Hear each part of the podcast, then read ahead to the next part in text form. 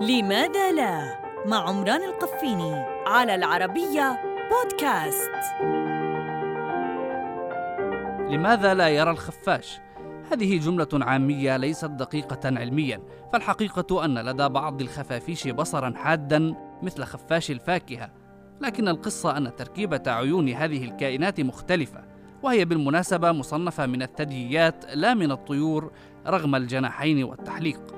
ما يدفع البعض على الاعتقاد بأن جميع الخفافيش لا ترى هو اعتماد هذه الكائنات بصورة أساسية على جهاز صوتي وسمعي فائق الأداء.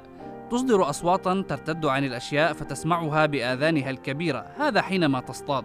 وفي الظلام تضبط الخفافيش عيونها بصورة أفضل من النهار وإن كانت رؤيتها للألوان غير واضحة.